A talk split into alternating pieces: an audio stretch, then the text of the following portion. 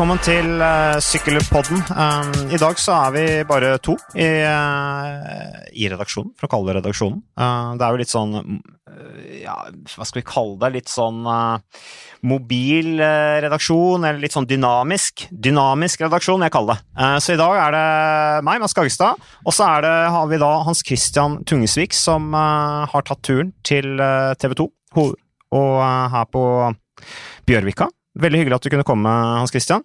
Takk for det. Veldig hyggelig at jeg ble invitert og kom hit og ta en prat i Sykkelpodden. Kanskje litt uh, eh, uventa at en triatlet blir invitert til sånt, men det setter jeg veldig pris på. Vi uh, setter veldig stor pris på variasjonen, Hans Christian. Uh, og det, jo, det, er ganske lenge siden jeg snakka med deg første gang. Jeg tror det var før sommeren. Uh, og du er ikke så lett Du er veldig mye ute og reiser.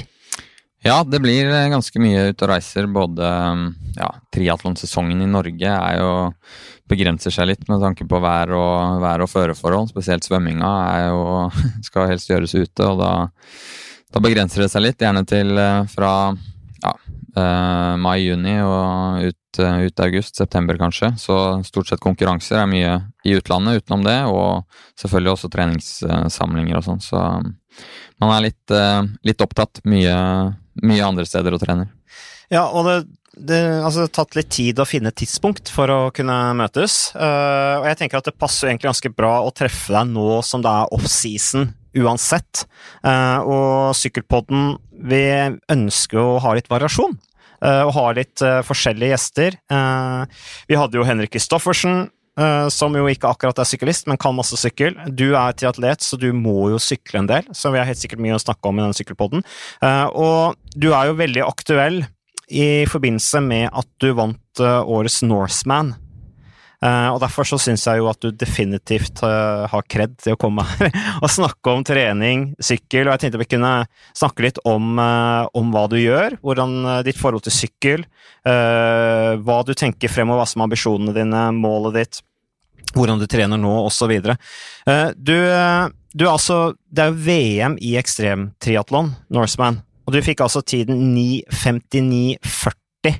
Mm. Vi snakket litt om det her før vi gikk på at uh, når du var på vei opp Gaustatoppen, uh, hvordan er følelsen da? Var det sånn at du så på klokka at du tenkte oi, jeg må jo under ti timer?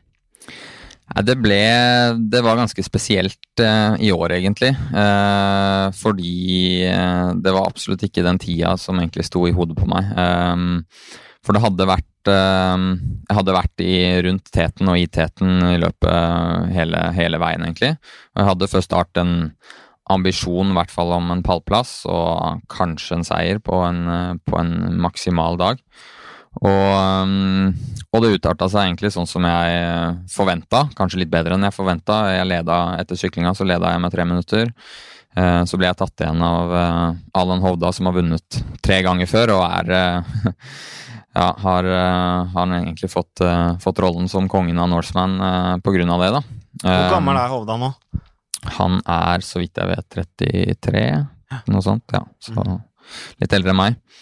Um, så han tok meg igjen etter 15 km på løpinga og dro fra med et par-tre minutter.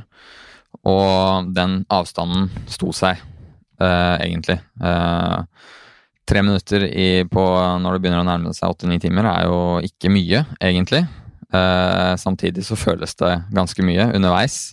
Eh, og oppover veiene, når man løper på veien der, så ser man jo ganske langt. Så man ser han oppi der. Eh, jeg gjorde i hvert fall det ganske ofte. Men, og så at han ikke kom noe nærmere, men ikke fikk noe særlig mer heller.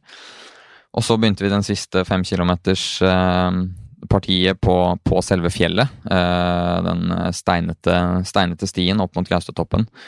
Og da var det masse, mye um, tilskuere og turister, og, så jeg så han all, eh, Da hadde jeg ikke mulighet til å se han. Snudde du deg mye, eller? Jeg snudde meg ikke så mye, for jeg visste at det var ganske et stykke bakover. Men, så jeg hadde jo hele tiden fokus på han, da. Eh, og, Men Var du sånn desperat, eller var du offensiv, eller følte du liksom at, uh, at nå var du så på limiten at nå kunne det smelle når som helst, og at du var nervøs for at han nærma seg, eller følte følte at du hadde kontroll? Nei, det, på, på, dette tidspunktet så leda han. Ja, ja, stemmer. Unnskyld. Unnskyld. Så han hadde tatt meg igjen, så han leda med et par-tre minutter. Um, så jeg jeg følte liksom at jeg, jeg, jeg kjørte på det jeg hadde, um, men samtidig med mål med tanke på at jeg visste at det fortsatt var uh, en time igjen å holde på, for eksempel, ja, når det var fem-seks kilometer igjen, da. Så altså, man sparte jo på en måte litt fordi man skal komme seg til mål. Um, og når vi begynte på fjellet, så sa, fikk vi mye tilbakemeldinger om at, uh, at han så mye mer sliten ut enn det jeg gjorde. Og jeg var helt i kjelleren, men jeg holdt liksom en grei, grei fart likevel. Og tenkte jo at ja, det sier det sikkert bare for å være hyggelig, samtidig som at en annen del av meg tenkte at ok, da er det faktisk mulig. Men jeg fikk aldri øye på han, så jeg tenkte liksom at ja, ja. Andreplass, det er bra. Eh, det sa jeg faktisk til broren min også 500 meter før mål. Så sa jeg det at ja, andreplass det må vi være fornøyd med. Spesielt på en dag hvor, jeg, hvor, ting fungerte. Jeg hadde en bra dag. Og så plutselig, når det er eh, ja, et halvminutt etter det, at jeg har sagt det til han, så får jeg øye på eh, Allan i lia. Eh, et par svinger overfor meg. Og, og eh, ser at han er fryktelig sliten. Um, og da går det nærmest på autopilot. altså Sinnssykt adrenalinrush og bare tenker liksom at ok, du vet faktisk ikke eh, når og eller om du får sjansen til å, til å vinne Norseman igjen. Uh, for det har jeg drømt om en god stund. Så da var det bare full gass. Egentlig mest på adrenalin og vilje, og ikke, tenkte ikke så mye. Eh, og så at jeg nærma meg, nærma meg, og tok han igjen 150 meter før mål. Um, og eh, ja, turte, turte ikke å se meg. Det var en deilig følelse på Allan Hovda, tenker jeg. Ja, jeg tror eh, altså det må ha vært surt. Han må ha gått på en smell, da. Eh, ja, han fikk det fullstendig. Altså muskulært bare. Det stoppa helt opp. Um, akkurat i grevens tid, for min del, da. Men uh, Ja, For det var bare noen meter før målstreken at du passerte han Ja, 150 meter før mål. Så det var liksom uh, et halvminutt, ett minutt før jeg passerte streken, så, så, passerte jeg han. Så det var det tighteste uh, racet i, ja, som har vært i Norseman. Uh, vanligvis så er det 5-10-15 minutter. I fjor vant han med 25 minutter, så, så det var Det gjorde jo ekstra gjorde det på en måte til en ekstra stor opplevelse for meg òg, da. Det med å egentlig ha tatt til takke med andreplass, og så snur det på de siste, siste ti minuttene. Og, og den uh, følelsen da på å krysse mållinja var uh, Det var rimelig heftig, altså. Det er litt kult, da. Det blir jo duell til målstreken i en så ekstrem konkurranse. Det er jo fantastisk uh, moro. Mm. Men er, hvor lenge har du satsa sånn som du gjør nå på triatlon? Jeg har satsa de siste to åra, så dette er andre året hvor jeg satser proff, proff da, i, i, det man kaller proffklassen i triatlon. Og, og lever, lever, egentlig som uh, proff. Uh, jobber litt sånn småjobbing utenom for å få det til å gå rundt, i tillegg til sponsorer, men, men triatlon er det jeg driver med, da. Mm. Og du er 27. Ja. Hva er det som gjorde at du valgte triatlon? Nei, det var egentlig Det er litt tilfeldigheter til å begynne med. Jeg, eh, jeg drev med satsa langrenn frem til jeg var 20 år. Eh, og var liksom helt ok, men det skal noe til å hevde seg i Norge der. Så, så det ble aldri det helt store. Så var det et år i militæret, begynte å studere, men savna, noe, savna å ha noe å, å være litt mer eh, fokusert og seriøs med, da. Også litt ved tilfeldighet så testa jeg et, et triatlon-klubbmesterskap på NTNU. Og, hvor du studerte? Hvor jeg studerte. Og syntes det var veldig gøy. Kunne jo nesten ikke svømme, uh, så det var jo en, uh, en, tøff opplevelse den første gangen. Men jeg syns hele konseptet med det, altså multisport generelt, og det å kombinere idretter, er veldig, veldig interessant og morsomt. Um, så den allsidigheten og variasjonen synes jeg, setter jeg veldig pris på med triatlon. Så da balla det på seg gradvis, egentlig, med litt lengre og lengre distanser um, utover de neste åra. Og så ble det etter hvert noen uh, ålreite uh, resultater, og så ja, så, så, blir det morsommere og morsommere når man blir bedre og bedre, og så, og så um, var jeg ferdig med, ferdig med, mastergraden min, og um, begynte Hvor lenge siden var du ferdig med mastergraden? Det er to og et halvt år siden nå. Ja. Så begynte jeg i fast jobb, eh, ingeniørjobb. Eh, så var det nedskjæringer der. Fikk, eh, var rimelig heldig og fikk tilbud om en sluttpakke som var på en måte det steget ut i den profesjonelle livet jeg kanskje trengte for å tørre å ta det steget, da. Og så har jeg fått Så arbeidsgiveren din var på en måte en sponsor, da? Som ja, ga deg sluttpakka? måte. Du kan si det sånn. Med idrett på heltid. Du kan si det sånn. Og det var de også, fordi det var Kongsberg-gruppen da, som har vært hovedsponsor for Norseman et par år, og var de som også ga meg startplass det første året jeg kom inn i, var med på Norseman. For i år var tredje året, da.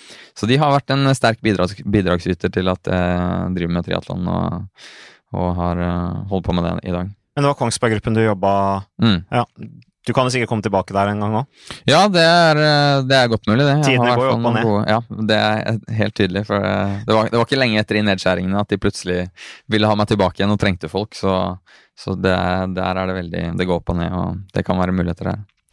Eh, men hvordan er det nå fremover, da? Altså, du har satsa to år fullt. Du har vært effektiv, da?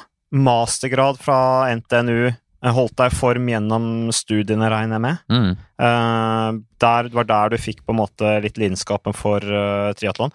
Hvordan føler du at treninga og satsinga på idrett Altså, du, du, du, du trente ganske mye mens du studerte, eller? Ja, det gjorde jeg. Eh, og mer og mer, egentlig. Når jeg fikk mer og mer blod på tannen og syntes det var gøy og, og sånn. Eh, altså Fordelen med gjennom studiene, så det er jo mye frihet under ansvar, holdt jeg på å si. Så du har jo en fleksibilitet og en frihet i hverdagen som gjør at du kan jo egentlig trene når du vil. Eh, men det krever jo mer selvstudie. Eh, så, så det er jo lettere å, å, å kombinere toppidrett og studier enn toppidrett og en fast jobb.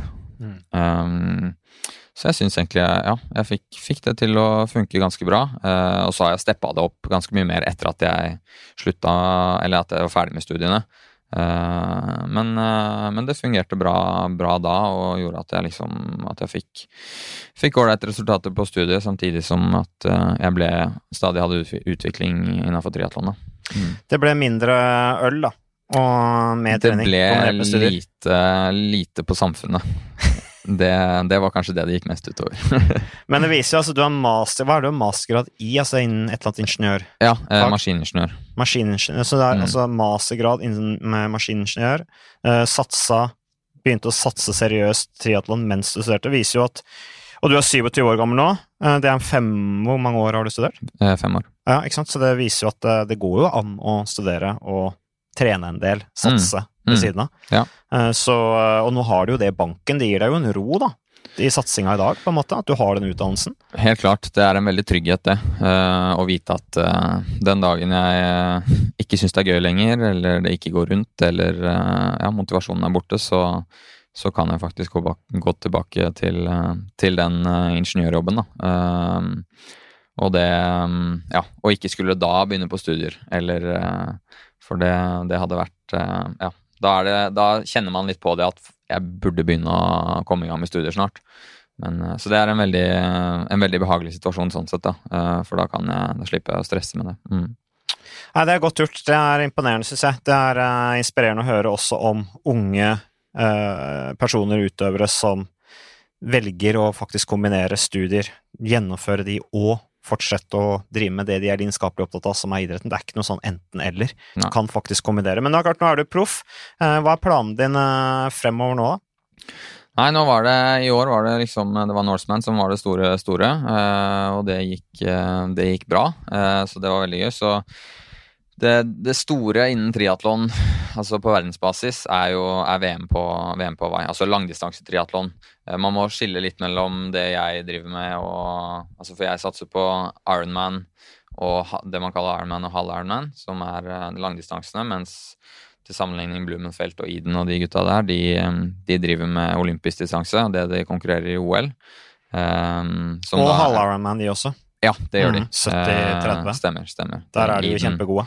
Nettopp. De, verdensrekord, til og med. ja, verdensrekord og verdensmester på Iden. Så de, de regjerer der. Det er vanvittig imponerende og dritkult. Um, Men du var inne på det med å skille mellom de to. Ja, det er mm. på en måte Ja, man trener litt spesifikt, da. Uh, om man driver med det ene eller andre. Det er ikke Så jeg driver med det, den langdistansen, og innenfor langdistanse så er VM på Hawaii det store, store. Altså triatlonsportens uh, holy grail. Mm. Um, så det er uh, Det arrangeres hvert år i oktober. Um, og der er det da en proffklasse med de 50 beste i verden. Uh, I tillegg til amatørklasser da med 5 og 5 alder, altså 20 til 25, 25 til 30, 35, ja, oppover. Og um, Så det store, store målet nå er å kvalifisere seg dit uh, i proffklassen. Uh, det, er, det, er, ingen nordmenn som har vært der uh, tidligere, og det er virkelig på tide. Danskene har hatt en god del, og svenskene har hatt en god del, og mange andre, så det bør vi få til snart. Mm. så det er Og jeg har vært der et par ganger som amatør i aldersgrupper. Hvordan gikk det, da? Det gikk veldig bra det ett år. Jeg vant den yngste klassen, 18 til 24. Så det var, det var, også noe som gjorde at jeg virkelig Ok, det her er det muligheter. Uh, for det var fortsatt mens jeg studerte. Mm. Så um, Og det er bare opplevelsen av å være der uh, når alle, hele triatlonverdenen er der på et så eksotisk og kult sted. Det er det er ganske heftig. Triatlon er ganske flinke til å lage sånn massearrangement, på en måte sånn lokalisert i en by hvor det veldig mye handler om det idrettsarrangementet akkurat de dagene. Mm. Det ser vi jo også på disse verdensrundene som, som går, som altså er olympisk distanse og, og, og halv, eh, disse halvdistansene osv.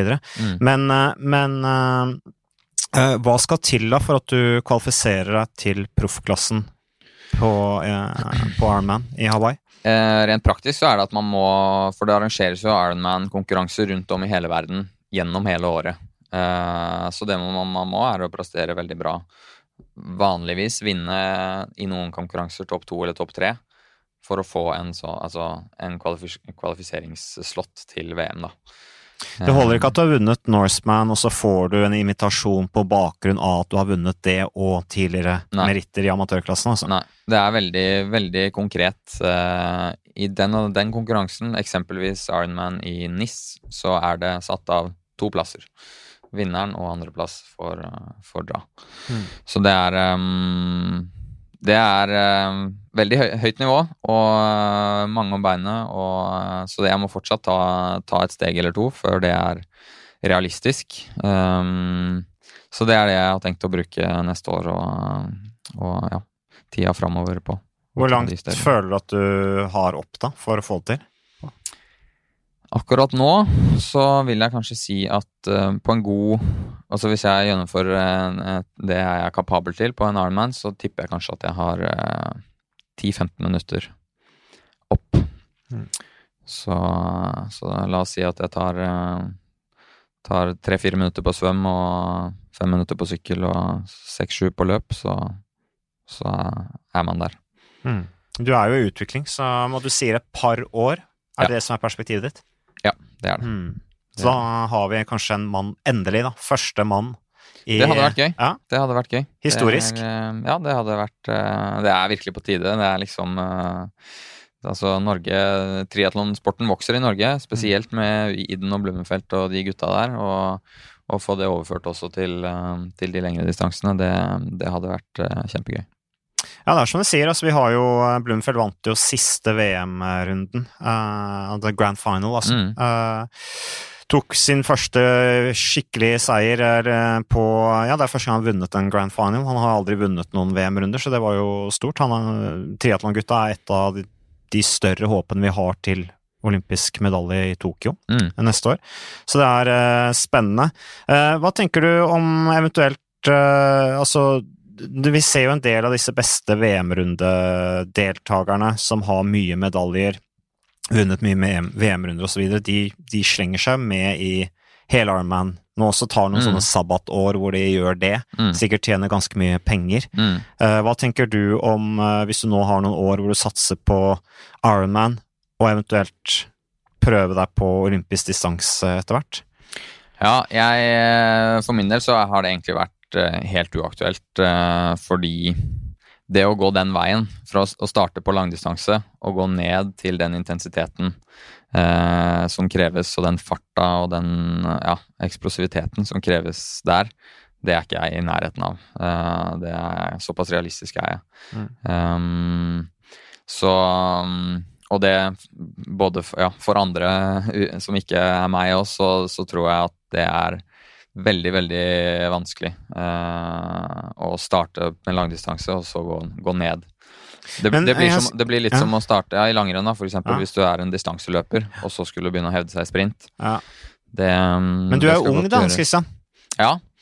Jo da, jeg har fortsatt uh, noen år å gå på. Uh, men du, ser du, bygger jo et ekstremt grunnlag, da. Definitivt. Så det vil jo tåle altså jeg, jeg, ser jo, jeg har kommentert litt av de VM-rundene selv, mm. og fulgt litt med på noen av utøverne. Mm. Uh, og jeg ser det er ganske mange som får belastningsskader. Mm. Uh, det er klart så mye som du gjentar og øver og øver med det grunnlaget du får som Ironman-satsene Mm. Så, så, så, vil jo det kanskje gjøre deg ekstremt robust også, mm. når du da plutselig eventuelt switcher, eh, og med den kapasiteten du har med justering på trening osv., så, videre, så så kan det jo komme fort. Ja, man har en veldig god base til å tåle den treninga og til å tåle det, den uh, endringen i trening. Uh, så det tror jeg ikke hadde vært problemet. Kanskje, altså Jeg tror man kunne kommet i nærheten av noe eh, på sykkel og løp, eh, hvis man virkelig hadde lagt om treninga. Men for min del, da, som ikke har svømmebakgrunn, så er bare den farta de holder på, på de 1500 meter eh, svømme, svømmeetappen, er bare Ja, jeg tror ikke jeg noen gang kommer til å komme opp på den farta. Fordi jeg ikke har noe bakgrunn fra Altså, jeg har aldri svømt før jeg var eh, et par og tjue år. Um, Nei, mange av de det, beste er, er jo det, tidligere svømmere, faktisk. Riktig. Og spesielt i olympisk så er den svømminga så avgjørende. Fordi for å komme med i en gruppe um, i, uh, i langdistanse så, så, har du jo ikke fordel av å kunne drafte, for det er, uh, man må ligge med ti meters mellomrom. Så da får du ikke den, den effekten, uh, og da er ikke det så viktig å komme seg med i en gruppe. Så det å være god til å svømme er helt avgjørende for å, for å hevde seg olympisk. Så jeg tror det er det som hadde vært det største, største utfordringen. Mm. Mm. Men uh, hva gjør du uh, på sykkeltrening nå, da, for å, bli, uh, for å utvikle deg der? Hvordan trener du på sykkelen? Jeg trener mye um, en god del langturer, og altså, det blir mye på moderat, uh, moderat, intensitet. Eller egentlig ganske lav intensitet. Uh, det er veldig interessant når jeg er ute og sykler med, sykler med syklistvenner. Så, um, så er det, merker jeg liksom en, Hvis man skal prøve å kjøre hardt i en bakke på tre-fire minutter, da, så har jeg ikke sjans i havet. Hvilke Fordi, syklister er det du trener med? Jeg trener litt med bygde, bygdemiljøet. Eh, Magnus Drivenes, Asbjørn Madstuen og den gjengen der eh, kjenner jeg litt fra, fra langrennstida og sånn. Så, så, jeg trener med de så fort jeg har mulighet. Så det er veldig gøy. Eh, og det er også morsomt å, å, utveksle litt erfaringer og snakke litt trening og hvordan man gjør ting i treningsarbeidet. men da merker vi fort at at på de, på de dragene her så altså jeg, jeg, trener så lite med, med høy puls og syre, syre i treninga mi at uh, det tar fullstendig knekken på meg hvis man skal kjøre skikkelig hardt i, i noen bakker. Mens uh, det å kjøre 10-15-20 minutters drag, uh, eller repetere, repetere liksom, kjøre ja, 20 ganger 8 minutter da, på moderat intensitet, det Da begynner de å blir litt slitne. så det, det, er moro. Men jeg tenker på, hva er det som er fokuset på trening, da? Altså, for, en, for en syklist så er det jo veldig med dette her å, å heve anarob terskel. Uh, men når jeg, når jeg, snakker med deg, når jeg hører hva du sier nå, så får jeg litt sånn inntrykk av at du trener ganske mye langt unna anarob terskel, eller godt stykke anarob terskel. Trener mm. ikke du intervaller rundt anarob terskel? Veldig sjelden. Ah, ja. Men hvorfor ikke det?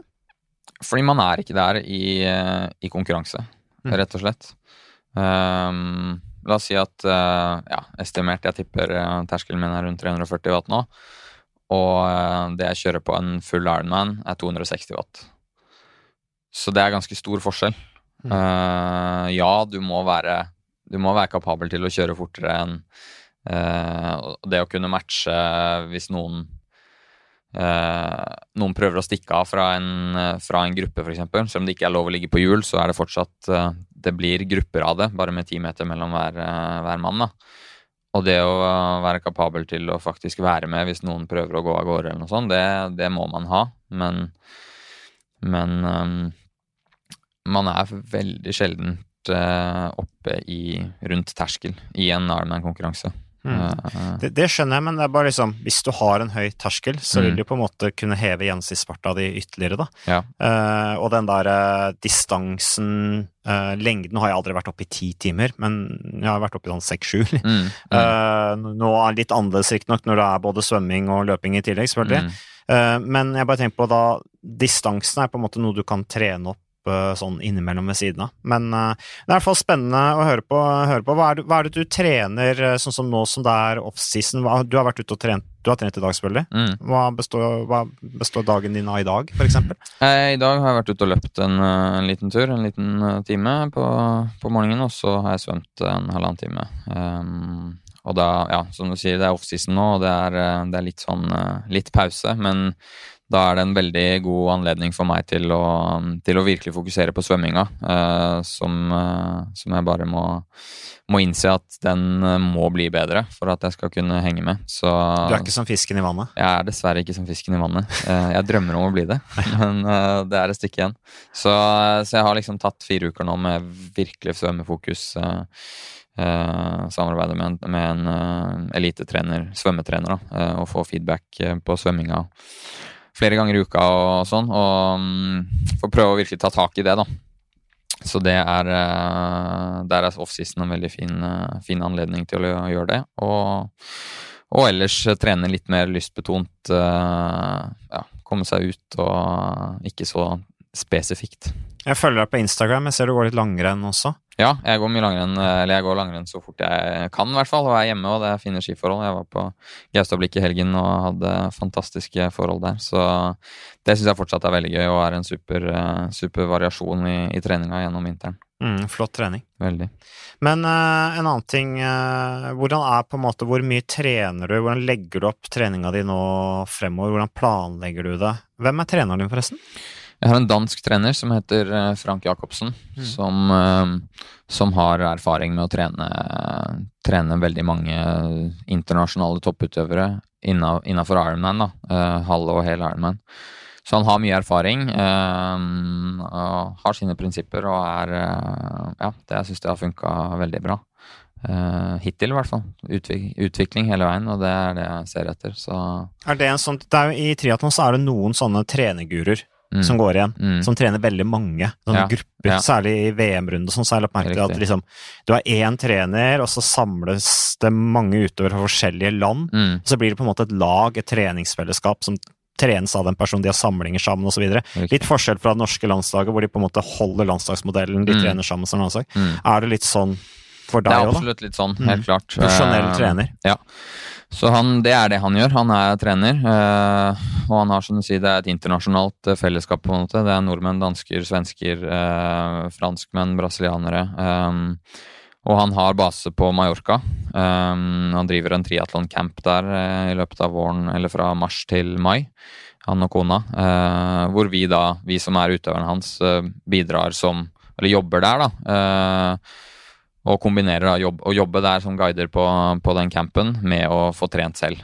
Eh, så da får man jo to måneder i, i fantastiske treningsomgivelser og, og treningsforhold, og får lagt en veldig bra base før sesongen. Og, og det å, å være med andre, andre eh, profesjonelle triatleter gir veldig, veldig mye, uh, sammenligna med å være hjemme. Og det blir mye trening alene her hjemme, da. Så, så det, det gir veldig mye. Mm. Hvor ofte har du kontakt med han, da? Han, jeg får opplegg fra han hver, hver uke. eh, og så har vi en telefonsamtale eh, en gang i uka for å sjekke at ting, ting går bra og at alt er greit. Og hvis det oppstår noe, så snakkes vi jo bare når, når ting skjer. Men eh, minst, minst en gang i uka, da. Så, eh, og hvor mye ligger du på nå i uka av mengde? Eh, nå, så, nå som det er offseason, så er det 20 timer, kanskje. Uh, men i snitt uh, Jeg snitter rundt 20, ja, 25 timer i uka eh, i løpet av året. Mm. Og på det meste, ekstreme ukene, når du virkelig går på? Da 35, rundt det. Mm. Ah. Men det er kun Altså, det er jo variert nok som det er med svømming, løping og sykling. Ja. Da har du på en måte nok med å få kabalen til å gå opp, men du trenger ikke noe styrketrening sånne ting. Ikke, ikke tungstyrke. Eh, stabiliseringsstyrke og egentlig skadeforebyggende. Eh, det er det jeg fokuserer på på styrkedelen. Så det blir litt av det òg, men eh, ikke så mye. Men i forhold til sykkel, da, hva slags forhold har du til sykkelsporten? Jeg, altså Den profesjonelle sykkelsporten syns jeg er veldig morsom å følge med på. Eh, Tour de France går alltid, står alltid på hele sommeren, egentlig. og jeg har blitt mer og mer glad i å følge med, og etter hvert som det har kommet mer og mer nordmenn opp i toppen der, så syns jeg det er eh, morsomt og, og inspirerende å, å se den utviklinga de har òg. Hva med syklistene som eh, slenger seg på triatlon? Eh, Du hadde jo Lance Armstrong, som jo ble ekstremt god. Eh, så plutselig så sprakk jo bobla. Han fikk andre bekymringer. eh, da etterforskningen hans for virkelig, eller etterforskningen av han for virkelig skøyt eh, fart. Eh, men du hadde jo Vino Korov og Jalabær, som jo Du nevnte NIS. Du Mm. var med der. De vant vel hver sin klasse i NIS. Stemmer, stemmer. Så det er jo det er morsomt. Jeg syns det er veldig gøy at, at det kommer folk fra, fra eh, syklist- eller sykkelbakgrunn og prøver seg i triatlon. Eh, litt sånn for å se hvor nivået ligger, eh, og sammenligne meg selv med de og, eh, på sykkeletappen. Eh, og også se hvordan de takler de andre grenene. Eh, nå Ja, jeg kjørte Ironman Florida her for eh, et par-tre uker siden, og da mm, eh, Da var Adam Hansen med. Han hadde slengt seg med der. Og, eh, så det var morsomt å se. Han var en overraskende god svømmer. Eh, svømte ja, et par minutter saktere enn meg, så det, det ble jeg imponert over. Um, og syklinga, syklinga hans hadde jeg kanskje forventa skulle være litt sterkere. Det var bare et par minutter saktere på svømminga. Adam Hansen. Så det, er ja, veldig imponerende. Det hadde jeg ikke trodd. Eh, mulig han bruker eh, svømming eh, litt som aktiv restitusjon, men likevel, det, det er sterkt. Og så mm, på syklinga så sykla han vel fem minutter fortere enn meg, tror jeg. Eh, så det var jo jeg fornøyd med, å kunne kun være fem minutter bak en eh, proffsyklist. Og så fikk han det tungt på løp. Jeg, jeg passerte han et par Vi møttes et par ganger underveis i løypa, og han så, han så sliten ut. Jeg var sliten, jeg òg, men han så, han så ganske kjørt ut. Um, Snakka du med han, eller? Nei, jeg gjorde ikke det. Uh, men det var Så det er morsomt å sammenligne seg med sånne. Så har man jo Andrew Talansky har, har også begynt med triatlon for et par år siden og har gjort det ganske bra.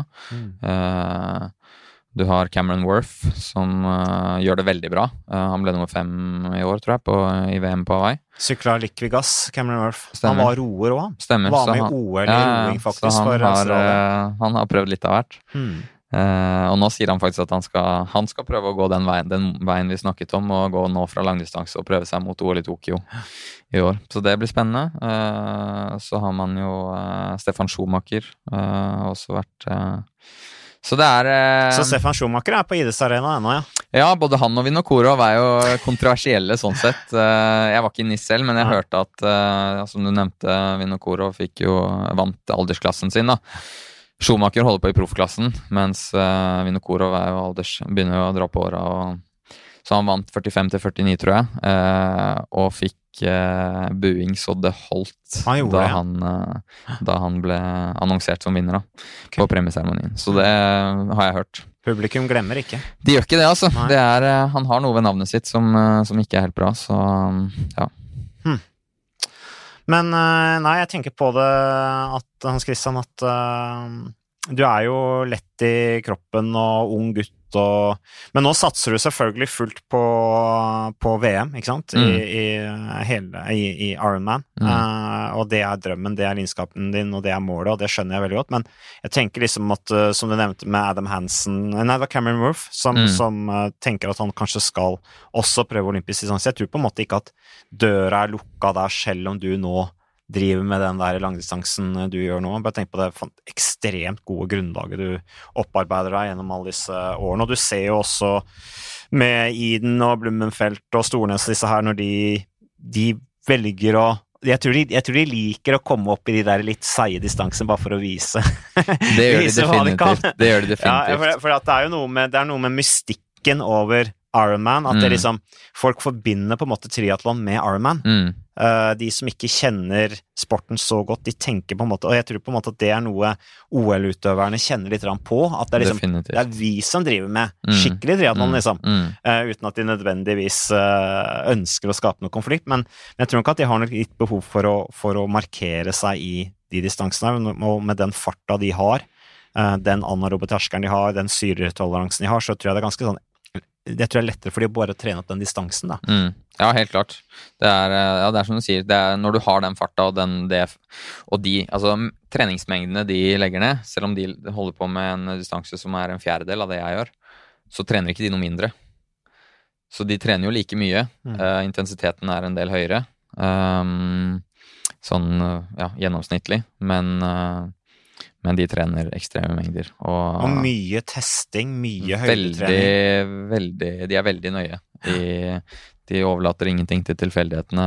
Masse laktattester og mye høydetrening, som du sier. Ja. Så de, de gjør ting eh, skikkelig, og det er veldig Veldig morsomt og inspirerende å, å se da, at, at det faktisk gir resultater når du går eh, alvorlig til verks og, og gjør ting eh, veldig nøyaktig.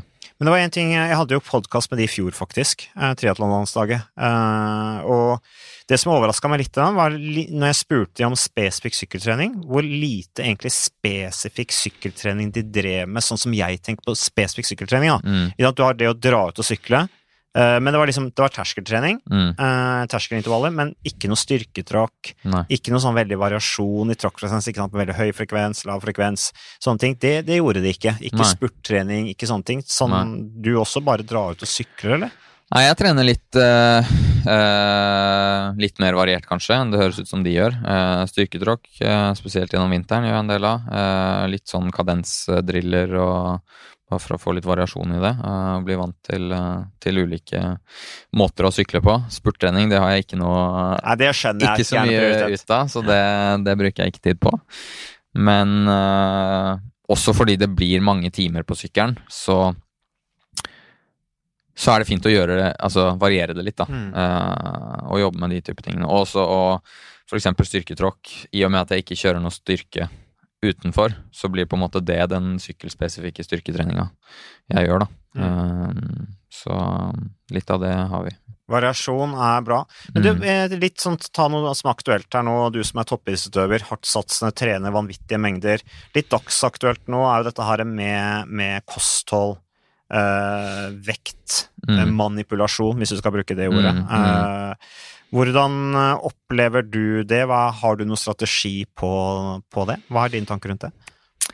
Jeg sånn personlig så er jeg Altså, man kommer liksom ikke unna i, i idretter som, ja, som sykkel og som triatlon, løping, at det er en fordel eh, ofte å ikke ha altfor mye å dra på. Eh, men, men eh, man skal jo også ha energi til å gjennomføre treninga, til å, så det er, det er mer det som er mitt fokus. eh, og tenker, jeg tenker litt mer på maten som, eller næringa, da, som, som bensin til motoren eh, som skal gjennomføre treninga. Og, og jeg syns at hvis man tenker på det på den måten, så er det kanskje lettere å ha et sunnere forhold til det. Og um, i den vanlige I den daglige treninga så så har jeg ikke noe strengt kostregime i det hele tatt. Jeg spiser, eh, spiser mye og godt og Altså sunt og variert. Um, og også inn mot konkurranse siste fire ukene, når treningsopplegget blir litt mer spissa, så er jeg også litt mer nøye med å Altså å kutte ut eh, den derre Ja, kall det bullshit-maten, liksom. Som altså Tomme kalorier. Tomme kalorier. Ja, som snop. Ja, Mm. for eksempel. Så um, for å komme ned i på en måte konkurranse ja, konkurran kall det konkurransevekt, eller eh, sånn at man er virkelig rusta til å um, til å få ut maks på konkurransedagen. F.eks. på Norseman, Mm. med såpass mye bakker, eh, både på syklinga og løpinga, så, så har det litt å si, da. Det er jo noe med spissinga rent mentalt òg, da. Du Ja, nærmer deg et stort mål, og så er det liksom bare om å gjøre alt helt riktig, ikke sant? Definitivt. Men så tror jeg det er kjempeviktig å slippe seg ned igjen nå, da, etter Mm. det. Uh, så nå har det vært uh, et par-tre uker off-season, og da er jeg definitivt på en annen vekt nå enn det, enn det, enn det jeg var inn mot den siste konkurransen. Da. Så det, det, handler om å, å, å, få en balanse der, og, og at ikke Om man pusher kroppen litt inn mot en konkurranse, så i hvert fall la den få pause og liksom slippe taket. Eh, gjør det ja, for en mer komfortabel vekt eh, etterpå, da. Ja, jeg tror det er en helt vesentlig egenskap, det du sier der.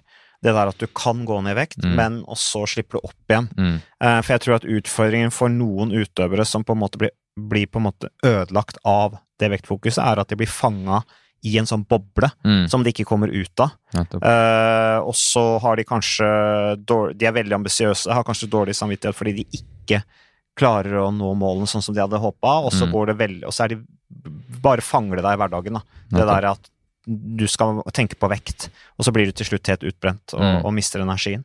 Uh, og at det blir på en måte viktigere hva du spiser, enn at du faktisk trener skikkelig. Så, nei, så det er interessant. Du må jo, du må jo spise enormt uh, når du skal trene så mye som det du gjør. Mm. Uh, så samtidig som du sier jo du trener jo kanskje ikke noe mer i volum enn det for eksempel Blummenfelt og disse her gjør, selv om du driver med ekstrem triatlon. Mm, mm. uh, du bare har litt sånn annet treningsfokus. Det er jo grense hvor mye du kan trene òg. ja, det er jo det. Altså, det fordelen med, med, å drive med triatlon uh, er jo at du har fordelt det på tre Eller det er variert trening. Det er tre forskjellige idretter. To av de er veldig snille mot uh, skånsomme mot kroppen.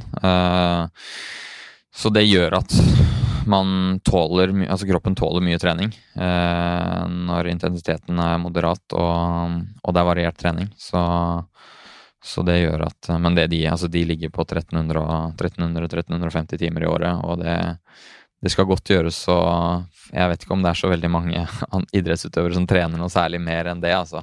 Eh, da begynner det å nå en, en eller annen grense etter hvert. Hvordan har du eh, hatt progresjon i mengde som utøver selv, eh, i forhold til liksom Nå er du 27.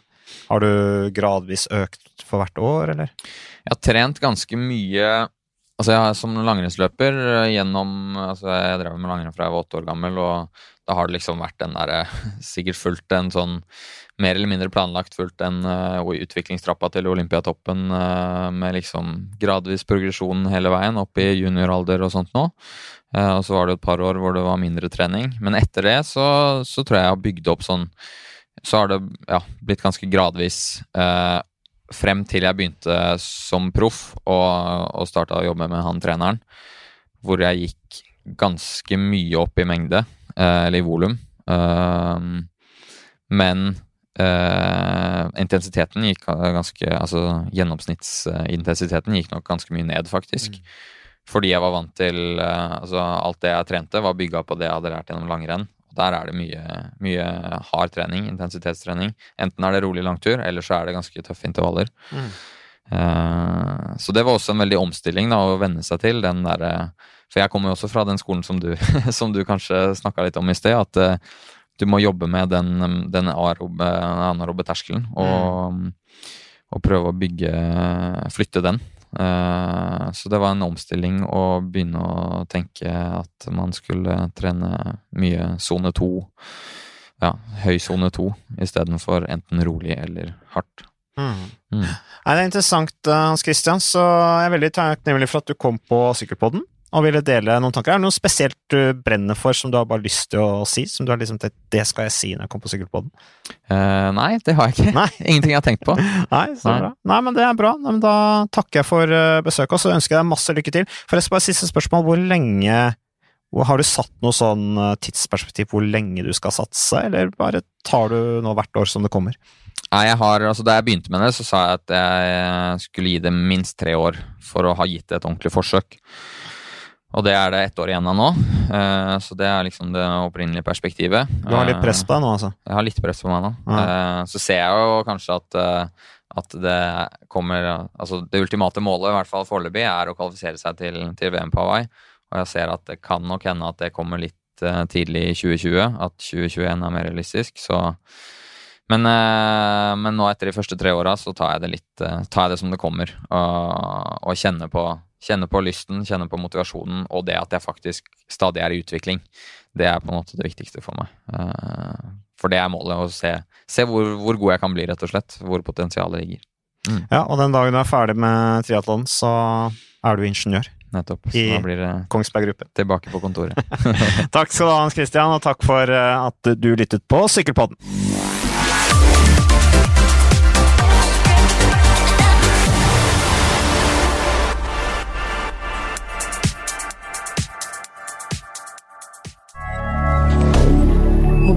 rien.